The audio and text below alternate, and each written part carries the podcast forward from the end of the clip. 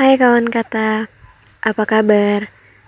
Baik lagi di podcast melepas kata, Gak terasa kita sudah sampai di pertengahan bulan yaitu bulan Agustus.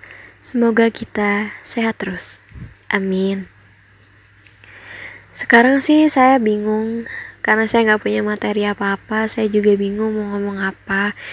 Pokoknya malam ini sebenarnya adalah malam yang cukup membingungkan bagi saya karena saya nggak tahu mau ngapain.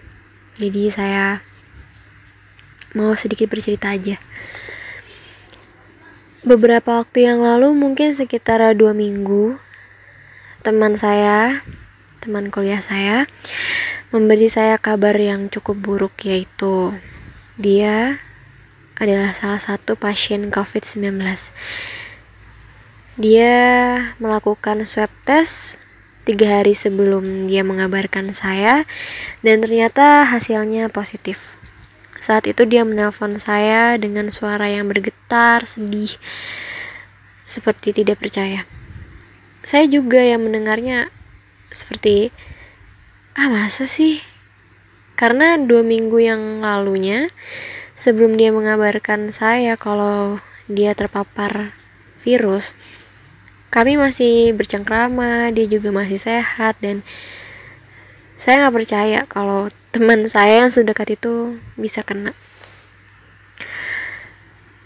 Dia mengatakan kalau dia adalah salah satu pasien tanpa gejala dan alhamdulillahnya dia menjalani uh, rawat intensif di salah satu rumah sakit di Jakarta Selatan dan alhamdulillah selama 10 hari dia sudah keluar dari rumah sakit. Karena hasil swabnya di rumah sakit dua kali swab negatif. Um, pada saat teman saya mendapat kabar kalau dia adalah salah satu pasien yang terpapar COVID-19 mungkin kata sabar kata tabah gak berlaku pada hari itu. Karena normalnya manusia ya ketika mendapat musibah itu pasti bertanya kenapa sih ini harus terjadi pada saya? Kenapa nggak orang lain aja? Tapi saya percaya kalau Tuhan punya alasan kenapa harus dia, kenapa harus saya, kenapa harus kalian. Karena gak mungkin Tuhan memberi cobaan tanpa alasan. Dan menurut saya, ketika kita mendapatkan sebuah cobaan, sebenarnya kata sabar itu gak berarti apa-apa dan kadang cuma bikin nambah beban ya gak sih?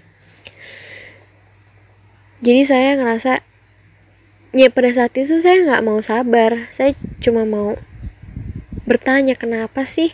Salah apa sih saya? Tapi nggak apa-apa. Yang saya lihat yang saya rasakan pertanyaan-pertanyaan tersebut adalah salah satu cara kita menerima. Mungkin terkesan lebih negatif tapi di saat-saat seperti itu menjadi positif karena